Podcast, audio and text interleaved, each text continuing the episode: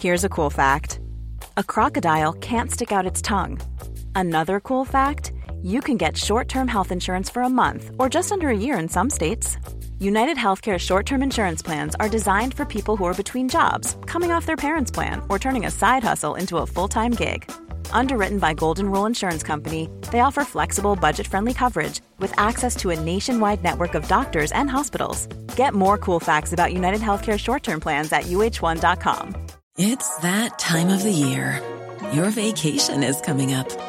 You can already hear the beach waves, feel the warm breeze, relax, and think about work.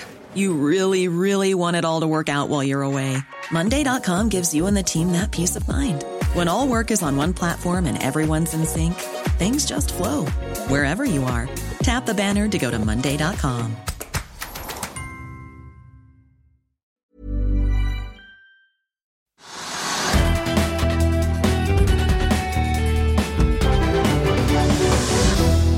En riktig god onsdag og velkommen til Økonominyhetene 6.2, som står i kvartalstallenes og utbyttenes tegn. Vi er midt i resultatsesongen, og i dag har vi fått solid dose med gode og et par dårlige kvartalstall. 15 selskaper har vært i ilden, og Equinor, Yara og XXL er blant dem. Vi, kan også komme innom, vi skal også innom Norske Skog og kanskje Valenius Wilhelmsen. Dette er selskaper som har utmerka seg. Equinor har også hatt kapitalmarkedsdag i London i dag. Det vi straks, har vi straks mer om. Men vi begynner med markedet nå. Oljeprisen den er svakt opp til i overkant av 84 dollar. Og da er vi nesten tilbake på nivåene fra før det lille krasjet fredag kveld.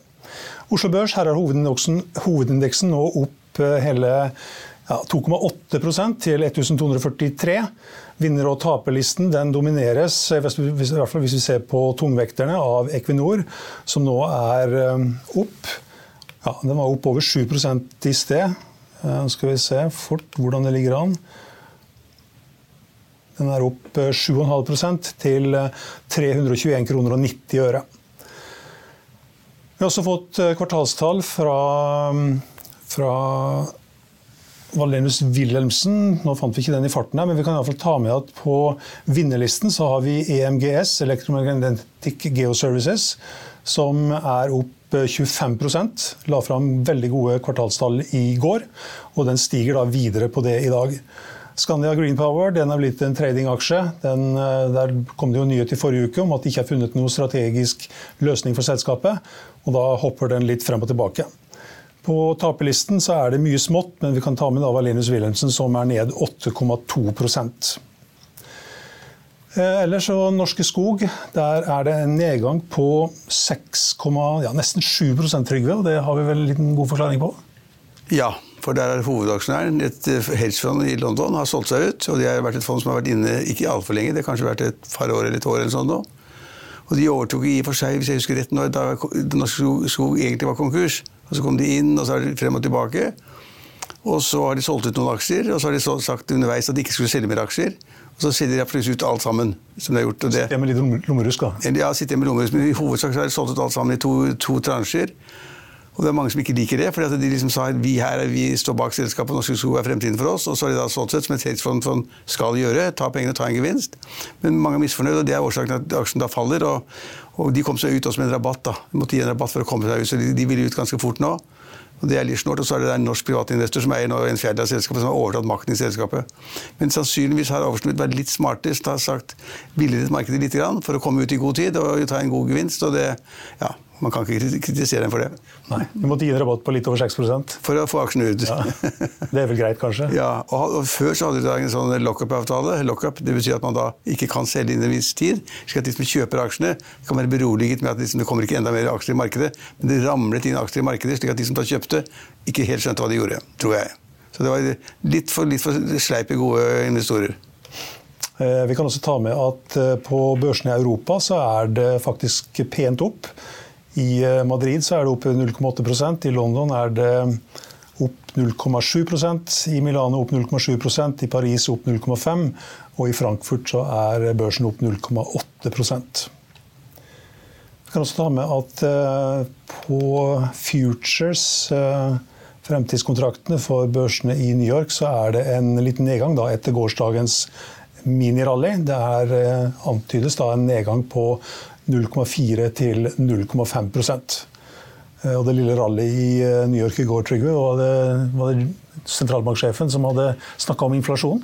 Ja, i hovedsak er det det. Man ventet på hva, han ville si. Og det har vært veldig mye uro om liksom, skal liksom, da sentralbanken Fed skal de øke renten da for å få inflasjonen ned. Vil de gå hardt i verks? Det er liksom de haukene eller duene og man har vært i usikkerhet, men hovedtyngden av, av, investorene har egentlig hellet til at de ikke, han ikke ville være så streng, at han ikke ville liksom være haukete, men duete. Og det var han. For han kom da ut med en melding om at liksom, han anså det nå slik at inflasjonen var i ferd med å ikke bukke under, men de, kunne, de, tok fatt på inflasjonen. De hadde begynt å få prisstigningen ned. Og det tolker man da som at man ikke ville komme da flere renteøkninger. Det tror jeg det kommer, men ikke så mange store. Og markedet var veldig positivt etter det. Nå går det rette veien. Mm får vi se. Så antydes da en liten nedgang da, i hvert fall fra start i dag. Vil du bli oppdatert på det viktigste som har skjedd innen finans og næringsliv? Da er det bare å følge med, for hver morgen er jeg, Marius Lorentzen og aksjekommentator Karl Johan Malnes på plass i studio for å ta tempen på dagens marked i Børsmorgen. Og hver ettermiddag oppsummerer vi alt du trenger å vite i økonominyhetene, og det blir selvfølgelig masse interessante gjester. Klikk deg inn på fa.no-tv, eller søk opp Børsmorgen og Økonominyhetene der du hører på podkast.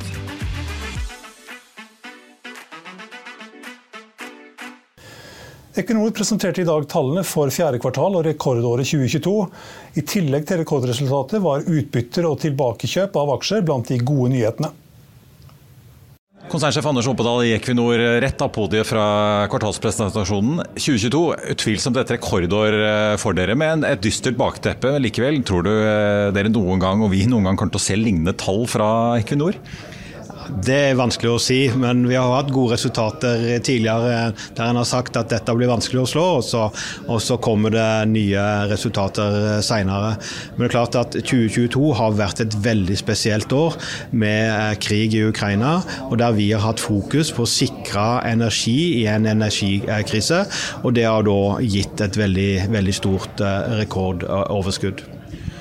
Fra podiet her så kom det jo med en litt oppdatert prognose på hva dere tror dere kan levere av gass til Europa fremover. Over 40 milliarder kubikkmeter i året, ikke bare til 2026 som dere har sagt før, men også godt eh, ut etter 2030. Men du sier også at du tror den kommende vinteren så må forbruket i Europa enda mer ned. Eh, rett og slett for å gjøre opp ligningen etter at Russland nå er ute. Hva er det du ser eh, skje nå utover året? Ja, vi har jo sett at uh, behovet for gass har måttet gå ned. Vi merker jo det når vi er ute og reiser i Europa, at det er mye kaldere i bygningene enn det var, enn det var før. Og Det gjør at veldig mange har redusert energiforbruket sitt, både bedrifter og, og i heimene til folk. Og Det gjør at behovet for gass har gått ned, og det måtte det gjøre i forhold til å møte det, den leveransen av gass som kom inn til Europa. Nå er det en veldig varm vinter i år, noe som gjør at Europa kommer til å komme seg gjennom denne vinteren.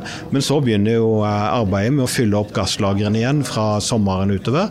Og skal Europa komme opp på det nivået som EU har satt som eh, mål, på 90% så ser en at en eh, må fortsatt tenke på å redusere behovet for, for gass. Samtidig som en trenger store mengder med eh, LNG. Og så må Norge opprettholde den produksjonen som, som vi har eh, fram, eh, framover. Men, men, du ser at forbruket må enda mer ned enn det kuttet vi allerede har sett europeerne gjøre for å komme seg gjennom vinteren? Det, det våre analytikere sier, at eh, hvis vi skal få Husk at i 2023 så eh, har vi ikke så stor tilgang på russisk gass, spesielt i begynnelsen av året som eh, en hadde i 2022. men det er faktisk det er også ukjente her, da, om, om, Russland faktisk begynner å supplere mer gass eh, i framtida. Det er jo en, en ukjent faktor. Diskusjonen om eh, både fossil og fornybar energi har jo rast eh, også før Ukraina-invasjonen, med stadig økende priser.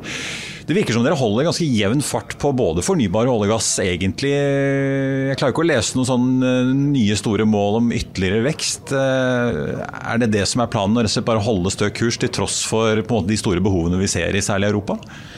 Altså når vi eh, gjorde vår strategioppdatering i 2021, så sa vi veldig tydelig at eh, energitransisjonen, eller det grønne skiftet, det må være balansert. Det trengs mer olje og gass eh, i, eh, i, på, på, eh, på, kort tid, og stabil produksjon av olje og gass for å sikre at det er nok energi. Så trengs det masse mer fornybar, og så trengs det å utvikles eh, dekarboniseringsteknologi og, og produkter og verdikjeder som gjør at industri som ikke kan bruke elektrisitet, som stålindustri og sementindustri, faktisk da kan eh, redusere sine utslipp og bevare arbeidsplasser i Europa. Samtidig som vi har mulighet til å skape nye i, i Norge. Denne Strategien har vi holdt fast uh, ved. Vi er fleksible hvordan vi utfører strategien. Vi jobber for å få flere prosjekter inn i porteføljen, og så velger vi de beste prosjektene.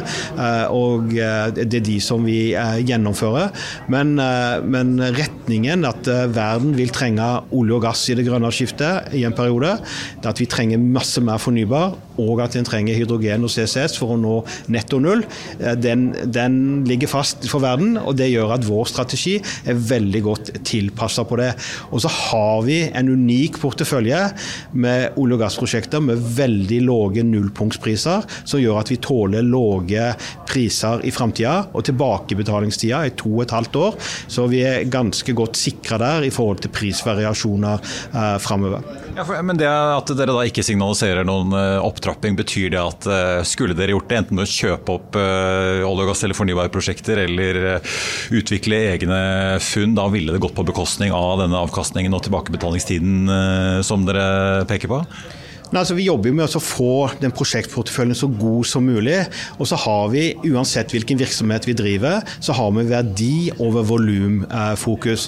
Det betyr at ja, du kan få vekst i eh, oljeproduksjonen, men hvis det går utover verdien på porteføljen og robusthet porteføljen, så vil vi vente med å gjennomføre de prosjektene til de er mer eh, robuste. Eh, sånn. Så det, sånn jobber vi på olje og gass, fornybar, og også innenfor transport og lagring av CO2 og hydrogen. Kort til slutt, I fjor erstatningsraten deres endte på 76 eh, Også 60-70-tallet, hvis man ser over eh, noen år i eh, snitt. Burde ikke det vært nærmere 100% hvis dere skal klare å levere på Europas energiappetitt, også som du sier, frem mot og etter 2030? Ja, nå har vi skulle hatt den litt høyere. Vi hadde ikke så eh, god modning av eh, resur, res, eh, reserver, eller ressurser inn til reserver i år, og fikk uh, klargjort det. Men det jobber vi videre med. Vi har ressurser for 20 år framover i, i, tid, som, som, du har sett fra rapporten vår. så her jobbes det aktivt, både med å modne eksisterende ressurser, men samtidig også et aktivt leteprogram. og vi får forventer en ca. 35 leitebrønner i 2023. Eh, ja, Trygve, hva er din umiddelbare kommentar til, til, det her? Nei, altså, Det er jo ellevilt. Og så er det fabelaktig morsomt. Uh, altså, Norges største selskap har en kursoppgang i dag på 7,5% Norges største selskap. Er det noe sånt som en 70 milliarder kroner eller sånt? Da, i børsverdi? Ja, det er jo helt vanvittig. Og, og, og overskuddet altså, må du bare korrigere meg på detaljene, men overskuddet er altså 770 milliarder kroner eller sånn. 770 eller 65 milliarder kroner. Ja, ja, ja 665 milliarder kroner, ja. Ja, ja, ja men altså, så det blir, det blir nesten 700 milliarder kroner, dette her.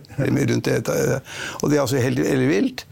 Og så er det også helt ellevilt bra, positivt, altså ikke noe kritikkverdig fra min side i det hele tatt. Det er det at de da bestemmer seg for at dette er så mye penger de tjener, at de må på en måte betale tilbake til aksjonærene.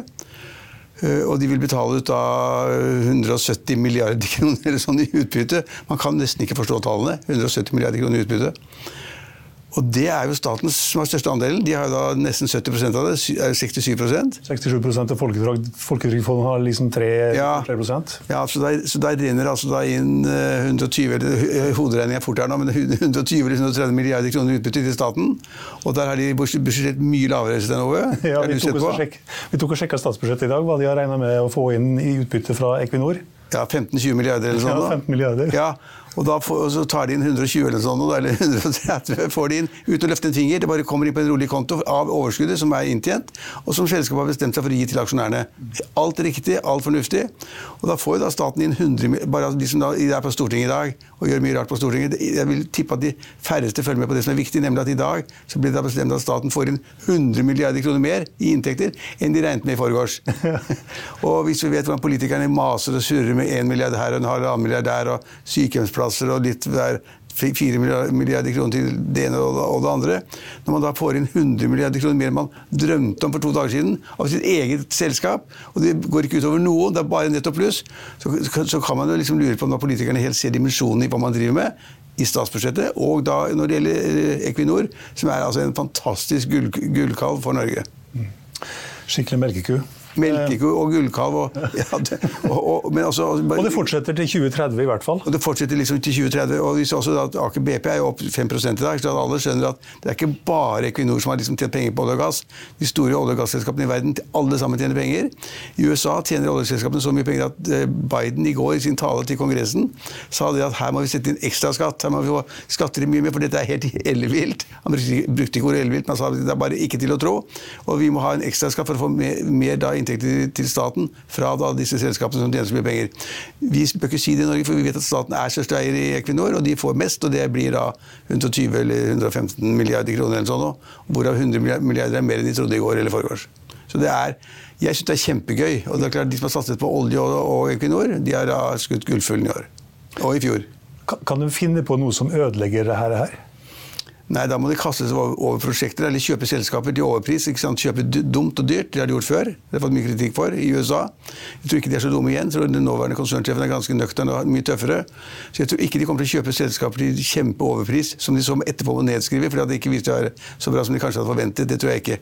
Så kan de Altså, du kan altså få det tilfellet at oljeprisen da faller fra 84 dollar per fat, som det står i nå, til da 40-30 eller 20 eller sånt, og da ramler det litt sammen. Men fremdeles tjener de masse penger. De er, det han kaller nullpunkt, det er så lave at det kan nesten ikke regne med det engang. Mm. Jeg tror ikke det kan skje ting. Markedsprisene vil holde seg rimelig oppe, og det gjør ikke om den faller. og de vil ikke kjøpe selskaper dyrt, men de vil kanskje bruke mye penger på CO2-fangst og den type ting, som da alltid blir 10-20 milliarder dyrere enn de tror. Ja, selv med økende utbytter så flyter altså Equinor-kassen over av penger. Den justerte gjeldsgraden skal være 15-30% men i fjor falt den visstnok til minus 24% Reporter Marius Lorentzen spurte finansdirektør Torgrim Reitan bl.a. hva han gjør med alle pengene, og hvor godt rustet selskapet er til å håndtere en eventuelt oljeprisfall. Torgrim Reitan, finansdirektør i Equinor. Får vi si tilbake som finansdirektør etter en runde. Du har vært både internasjonal sjef og også finansansvarlig i fornybardivisjonen. Eh, nå tilbake igjen, styrer finansene i hele Equinor. Eh, si litt om vurderingene dere har gjort eh, med da utdeling til aksjonærene. For dere gjør både tilbakekjøp og mer utbytter, men det har vært mye diskusjoner om bl.a. disse famøse tilbakekjøpene, buybacks. Joe Biden ønsker mer skatt på det i USA? Ja, men ja. Vi, vi øker jo eh, kapitaldistribusjonen eh, betydelig i, i 2023, da, 17 milliarder dollar. Small details are big surfaces. Tight corners are odd shapes. Flat, rounded, textured or tall. Whatever your next project, there's a spray paint pattern that's just right. Because Rust-Oleum's new Custom Spray 5 in 1 gives you control with five different spray patterns. So you can tackle nooks, crannies, edges, and curves without worrying about drips, runs, uneven coverage, or anything else. Custom Spray 5 and 1. Only from Rust -Oleum. I'll see you in court. Vi sier det ofte litt på spøk, men for deg som driver business, er det aldri moro å innse at du ikke har laget en 100% gyldig kontrakt. Du bør ikke risikere hele firmaet ditt fordi du synes dette med kontrakter er litt stress. En avtale er ikke en avtale. Du kan miste kunder, miste venner, ja, til og med miste inntekter om du ikke lager en skikkelig kontrakt, på alt mulig, egentlig. Men vi vet det er et styr, kopimaskiner, tregprinter og haugevis av papir. Dessuten stoler vi jo på folk her i landet. Det er ofte litt kleint å skulle be om en signatur for alt mulig, ja, for mye av styret handler også om jakten på underskriften. Det finnes en enkel måte å løse dette på, Dukkobit. En trygg, effektiv og get this, gratis måte å sikre seg en god natts søvn pluss en juridisk bindende avtale. Dukkobit-appen har de strengeste sikkerhetskrav i bunn, samt en EU-godkjent og sertifisert teknologi. Framover vil det bli behagelig å spørre du, skal vi skrive under på det, eller? Kom i gang på dukkobit.no. Den består av to elementer. Vi har den ordinære delen hvor vi faktisk øker det ordinære cash-utbyttet med 50% til 30 cent per aksje per kvartal. Og Der har vi også 1,2 milliarder dollar i, i, i, tilbakekjøp. Så det ligger fast, commitment, på lang sikt. Og det er knytta til, til, ganske sånn store forventninger til, til inntjening over det neste tiåret. 20 milliarder dollar etter skatt i kontantstrøm fra drift. Og 15% return on capital employed. Det det ekstraordinære eh, utbyttet vårt det er knytta til hva vi allerede har tjent. Så det er ikke basert på forventa inntjening, men det er basert på et, et veldig ekstraordinært år i fjor. Da, sant? Så der har vi lagt på 60 cent per kvartal i ekstraordinært cash og 4,8 milliarder dollar i tilbakekjøp. Så det er 17 milliarder dollar. Hva tenker dere om den på en måte politiske motstanden, i hvert fall globalt? Da? Nå er det jo veldig høye skatter i Norge, så veldig mye av inntektene deres ender jo i statskassen. Men det vi ser globalt, eh, på en måte den kritikken mot oljenæringen og de voldsomme overskuddene? Altså Bakteppet for, for den, den, veldig høye inntjeningen i, i, i, fjor var jo ganske mørkt, da, med, med, med Russlands uh, krig mot Ukraina. Eh, vår oppgave var jo på en måte å sørge for at vi leverte så mye gass og energi som vi kunne til Europa, og der det trengtes. Og det, det, det, det gjorde vi en stor innsats. Og Der har vi også hatt veldig store, sterke resultater basert på det. da. Men så er det jo sånn at vi betaler også mye skatt. Eh, og, og, fra norsk sokkel så for, for fjoråret så, så, skal vi betale 477 milliarder kroner i skatt. Så dette er jo en viktig del ut av, ut av hvordan modellen på norsk sokkel er satt opp. Ved høye priser er det store skatter som kommer tilbake til, til, til det norske, norske samfunnet. Da. Så det er jo en viktig del av, av vårt oppdrag. Det er å sørge for at vi leverer energi til Europa der det trengs. Og på de pengene vi tjener, så skal de tilbake til, til samfunnet gjennom, gjennom skatt, eh, der hvor ressursene er, er henta ut. Da. Så det har vært en, en, en, en viktig del av, av, av, av fjoråret. Eh, vi ser jo Dere justerer jo litt på forventet investeringsnivå i årene fremover. 24-26-perioden eh, fra 12 til 13 milliarder dollar. En del av det er jo inflasjon, som det kom frem eh, her. Men likevel, med all den voldsomme inntjeningen dere tross alt har, da, har dere mulighet til å investere mer, enten det er fornybar eller olje? Eller går det veldig fort på bekostning av avkastning, fordi da begynner man å tære på, på reservene man har i skuffen, for å si det sånn? For å si det sånn, altså, eh, kapitaldistribusjonen som vi gjør i år, går ikke på bekostning av, av investeringsviljen vår. Eh, vi har 45 milliarder dollar i cash og cash equivalent, eller kontanter, så det er jo det vi betaler utbytte fra. Og så har vi en stor kapasitet til å investere fremover. Eh, olje- og gassinvesteringene er konstante. Ja, vi har sett inflasjon i tallene våre, men investeringene er, er konstante. Også hvis en ser på break-even i prosjektene våre, så er de faktisk ganske konstant. 35 dollar per fat over år. Så vi har kontroll på inflasjon. Og så øker vi investeringene innen fornybar. Og så har vi også et ønske om å øke bruken av vår egen balanse når vi investerer i fornybar. Og det vil også telle øke disse investeringene. Så det er egentlig de tre elementene som, som forklarer økningen i investeringene. Og inflasjonen har vi kontroll på. Det har vi tatt med oss i tallene framover. Men er det fordi, ja, det du sier med fornybar, er det fordi rentenivået har økt, sånn at uh, det lønner seg mer å rett og slett bruke egen balanse?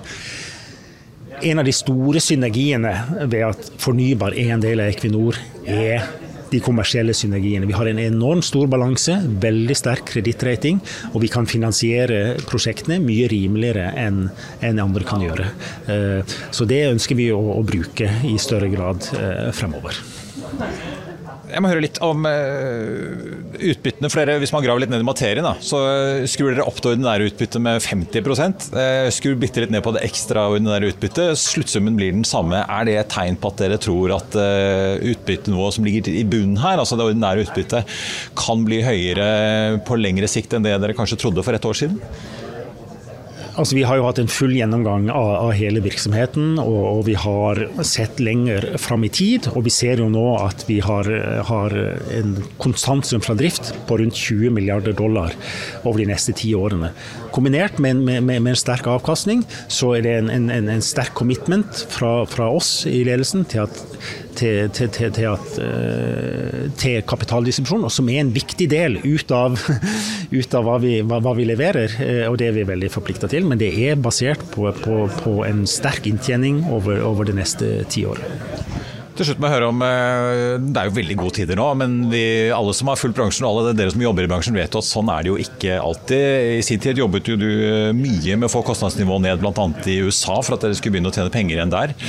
Som dere jo gjør nå. Eh, men likevel, dere sier nå at selv litt under 50 dollar fatet, så skal dere klare å få inn nok penger på kontantstrømmen til å dekke løpende utgifter før utbytter. Men er det er nok? Burde dere tåle enda lavere priser? Og det gjør vi.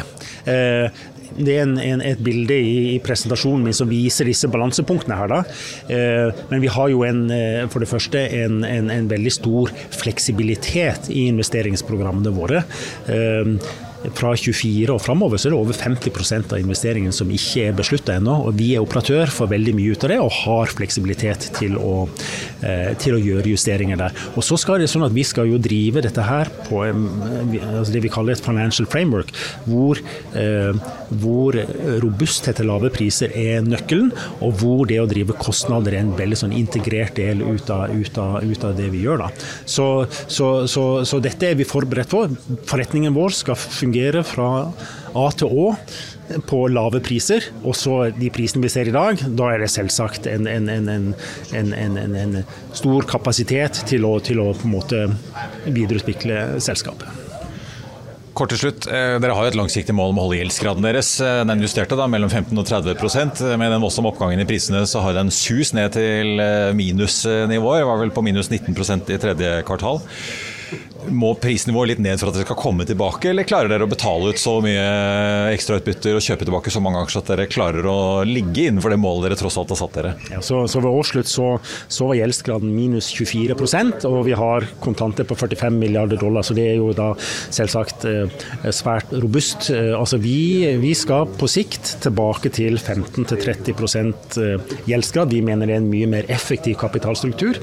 Og det vi legger opp til i løpet av året, er jo at vi skal gå i den retningen.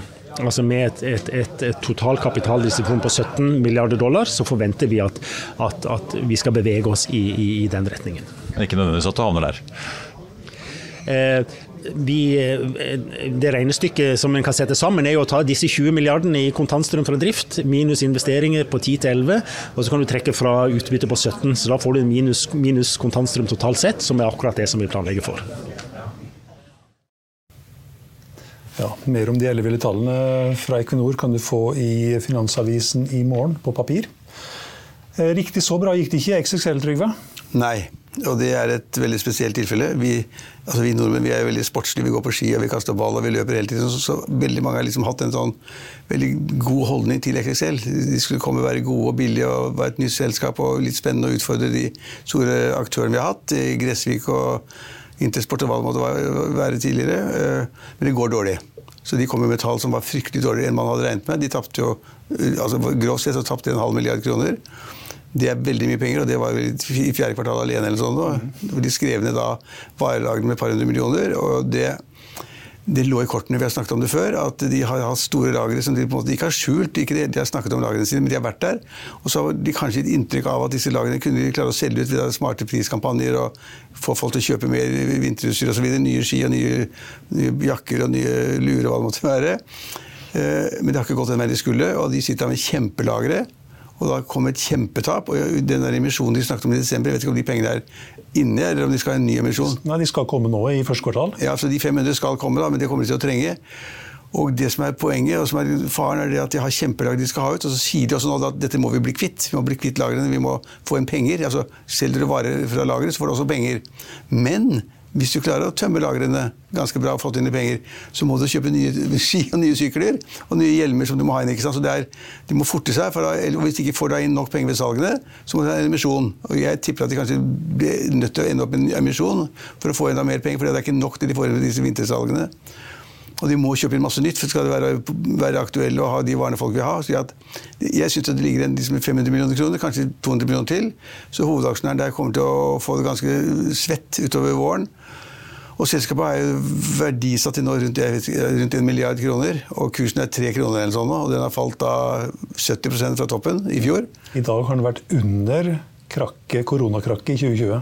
Ja, så det er lavere enn det. Ja, så det er liksom, altså da, var, det ikke vært 1 milliard, da, la oss si at det har vært 500-600 millioner kroner på Oslo Børs eller sånn nå. Og, og, det er selvfølgelig skrekkelig, og de må ha inn penger. Det, men det er, altså, det er, jo da et, fond, et sånn fond som er liksom største aksjonær. Og de må jo finne på noe, da, ellers må de bare pøse inn penger. at altså, Kursen har falt fra toppen i fjor, da, kan vi si 70% og så ligger den på 3-4 kroner nå. Og det er bare, og, men det er ikke mer ned enn 5 kroner i dag. da. Det betyr at markedet har diskontert litt på forhånd og har liksom presset kursen ned. Og da, Man kunne jo tenkt seg at i en sånn situasjon som de er i nå, da, hvor tallene er så dårlige, så kunne man tenkt seg at liksom kursen falt 20-30-40% men da er det ikke noe igjen. Nei, Prisen eller markedsverdien er akkurat som du sa, en milliard nå. Ja, og da er det klart at ja, det, så det, altså det, det, på en måte de, og så har Vi det vi har snakket om mange ganger, Senover, at, og jeg har aldri skjønt hva de tenkte på. Da de begynte, så skulle de på livet være i Europa også. Før de hadde fått orden på Norge, så tjente de masse penger der. Så skulle de jaggu meg til Østerrike. Ja. Alle norske selskaper som driver med klær eller sånn, skal til Østerrike. Hvorfor Østerrike, liksom? ja, hvorfor Østerrike? Hva kan de om Østerrike? Sverige og Finland ligger ganske nært, men Østerrike ja, De kan jo ingenting om Østerrike. ikke sant? Da må de ansette folk som ikke har noen kultur i, i relasjon til Norge, ikke kjenner noen. Og jeg vet ikke hvor mange butikker, Det er ikke én butikk, altså jeg tror det er åtte butikker i Østerrike. Så det er, alle de skal avvikles. Mm. Og av de åtte så er da tre-fire allerede avviklet. ikke sant? Men å avvikle koster penger. Du må betale lønn til folk i ettertid, går ut fra. Også i Østerrike, det er ikke bare i Norge. Og du skal rive ned, du skal rive ned vegger og greier der ha kontor og lager, og så skal du da gå inngå forhandlinger med det de har leiet lokaler og butikker av, ikke sant? som sikkert koster masse penger. Så det er en stor kostnadspost. Det er å avvikle forretninger, og det skal du gjøre i Østerrike. Kanskje de klarer å selge det? I Østerrike? Ja. De må bare selge hvis de kan få solgt det. Men det er klart, det er, ikke kjøpere ja, de, sier at de, de, har som ambisjon å få å avhende det uten å tape noe mer penger. Ja, men hvis du hadde vært kjøper i Østerrike, Stenove, du er såpass kremmer som du er, så hadde du sagt dette får du tre øre for. det er ikke verdt mer. ikke sant? Og så står du der, så er oppe i Norge skal opp og møte aksjonærene i Oslo. ikke sant? Det går jo ikke i det hele tatt. Så, så, det, så, summen av det at de liksom skal avvikle noen forretninger, få nye varer som de har eh, kanskje ikke har så mye penger til, få det på beina igjen, det er et veldig langt lerret å bleke. Hovedaksjonæren har nok penger, så de kan godt holde på, på med det, men, men hele caset er dårlig. Man trodde liksom at man skulle bare fyke inn i Norge og ta liksom markedet fra da, de gamle restene til Gressvik og Intersport og Sport1 eller hva det heter. Det var de det røffe typer der ute i markedet. og Det fikk de ikke til. og Da kan man tenke seg liksom Man kan jo tenke seg at XXL ikke klarer seg, men nå er priset, priset så lavt at det spiller ingen rolle. Nei, og det er ikke første gangen de har vært gjennom en sånn uh, operasjon. Nei, det er akkurat det. Må, må ha lært snart. jo, jo, men altså, Hvis man tror på den sportsbransjen og tror at disse her skal få bedre marginer enn andre, så kan man da pøse penger inn i det. Men det som er helt sikkert, er at du får ikke gode marginer i sportsbransjen. Fordi at Det finnes jo firmaer som skal liksom da nå bare omsette bruksklær av merkevarer. Og, så, ikke sant? Og, de skal, og, det er så stor tilgang på ski, og det vet du som har en sønn som er en av Norges beste slalåmkjørere. Det er så stor tilgang på ski, altså på ski og skøyter og staver og bukser og lommer at du får hva som helst. Du kan gå inn i en virksomhetsforretning og få en pakke med det koster nesten ingenting. Og det blir jo ikke bedre konkurransen blir bare større der. Det er ikke slik at noen kan si at ok, kommer vi bare gjennom dette her, så blir det bedre, marginene blir bedre, vi kommer til å selge mer. Det er ikke slik det er. vet du. Marginene blir dårligere. For hver gang du må selge disse lagervarene hele tiden, så blir marginene dårligere, resultatet dårligere. Og nå hadde man da altså et underskudd på en halv milliard. 2,3 milliard er eh, varelagerverdien, i hvert fall sånn som det er i regnskapet nå. Og det er en 100 millioner mer enn i fjor på samme tid. Ja, Og kanskje verdien egentlig bare har vært 1 milliard. Det har ikke jeg peiling på. Jeg har ikke vært hos det, men, men alt tyder på at det er veldig dårlig da. Du kan prise så lykkelig at det er bra med snø, i hvert fall. I, uh... jeg hadde ikke vært snø i fjellet. altså I Hemsedal og Norefjell overalt. Det er, det er enormt det er enormt med snø overalt, så det er, det er, et veldig godt poeng. Hadde vi hatt sånn tilstand som man har, i deler av Mellom-Europa, så hadde det vært total katastrofe. Det er snø. Det er mye snø å gå på. Det er bare å kjøpe ski, hjelpe dem så fort dere kan. Ja, Vi kan ta med helt til slutt at uh, Valerius Wilhelmsen også la fram veldig gode tall i dag. Rekordtall kommer med utbytte på 85 cent, som da blir fordelt på mai og november. Eh, litt, litt lite, litt seint, kanskje? Jeg har ikke sett så nøye på de greiene der, men jeg så at de kom med et utbytte som var litt overraskende positivt. da. De tjener penger, tjener mer penger enn man hadde regnet med. Tjente de fire milliarder eller noe sånt? Jeg er ikke sikker. Det. jo, det var veldig, det var veldig bra tall. det var veldig bra tall for alle. Aksjen faller 8,7 nå. Ja, men kanskje det da liksom var tatt ut at liksom, det går ikke lenger, nå har det gått bra. Og alle de selskapene som driver med frakt av biler og sånn, de har jo gjort det veldig bra. da. Både nykommerne og de gamle selskapene. Så det, Høk går bra, ikke sant? Wilhelmsen går bra. Eh, Gram Car Carriers har også gått bra. ikke sant? Men det er alle frykter at er liksom, vi er på en topp. Skal, skal ikke frakte så mye bil lenger. Det er litt skummelt hele greia. Og at de ratene de har fått, er for gode. og da, ja, Så kanskje man syns at dette var greit nok. Det hetes vel at man skal kjøpe på rykter og selge på fakta? Ja. Og det er kanskje det noen gjør, da. Det er Ja. 8,9 nå. Ja. Vi får eh, rulle videre. Vi begynner å nærme oss eh, slutten på dagens sending. Vi kan ta en liten oppdatering på det som har skjedd på Oslo Børs. I hvert fall eh, er Hovedindeksen på Oslo Børs den er nå opp 2,8% til 1242,86. Brentoljen den er opp 0,6% til 84,52, og da tilbake som vi nevnte, på nivåene før det lille krasjet som vi hadde fredag kveld. I eh, Europa er det fremdeles eh, opp rundt 0,7-0,8 og på børsene i New York så ligger det an til at eh, Dow Jones eh, faller 0,3% fra start. SMP 500 der ligger an til en liten nedgang på 0,46% og Nasdaq det indikeres å åpne ned 0,45% Det var det vi hadde for i dag, men i Finansavisen i morgen så kan du lese Trygve Ligners leder. Kanskje vi får en liten smakebit på hva som kommer i lederen i morgen, Trygve? I morgen skal jeg skrive om sjokolade. Sjokolade. Søtsaker. Det, det, det, er noen, det er noen som har funnet ut at man skal begrense lovfeste at man ikke kan ha store sjokoladeplater. Blir man syk av. Da gleder vi oss. Ernærings, ernæringsfysiologer. Ja, maks størrelse på popkornboller og, og, og, og, chipsposer og Sjokoladeplater. maks- De tenker ikke på at man kan kjøpe to små. Og du forstår også alt om dagens kvartalstall og litt til, og dagens også børsintervju. Det var det vi hadde for i dag, men husk at eh, siste nytt innen økonomi og næringsliv, børs og finans, får du minutt for minutt på finansavisen.no. Vi er tilbake i morgen med Børsmorgen klokka 8.55 og hovedsendingen vår klokken 14.30. Takk for at du så og hørte på, og håper du følger med oss igjen i morgen også.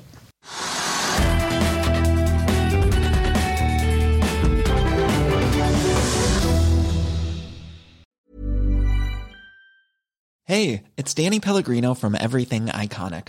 Ready to upgrade your style game without blowing your budget? Check out Quince. They've got all the good stuff shirts and polos, activewear, and fine leather goods, all at 50 to 80% less than other high end brands. And the best part? They're all about safe, ethical, and responsible manufacturing. Get that luxury vibe without the luxury price tag. Hit up quince.com slash upgrade for free shipping and 365 day returns on your next order. That's quince.com slash upgrade. Økonominyhetene er en podkast fra Finansavisen. Programledere er Marius Lorentzen, Stein Ove Haugen og Benedikte Storm Bamvik. Produsenter er Lars Brenden Skram og Bashar Johar. Og ansvarlig redaktør er Trygve Hegnar.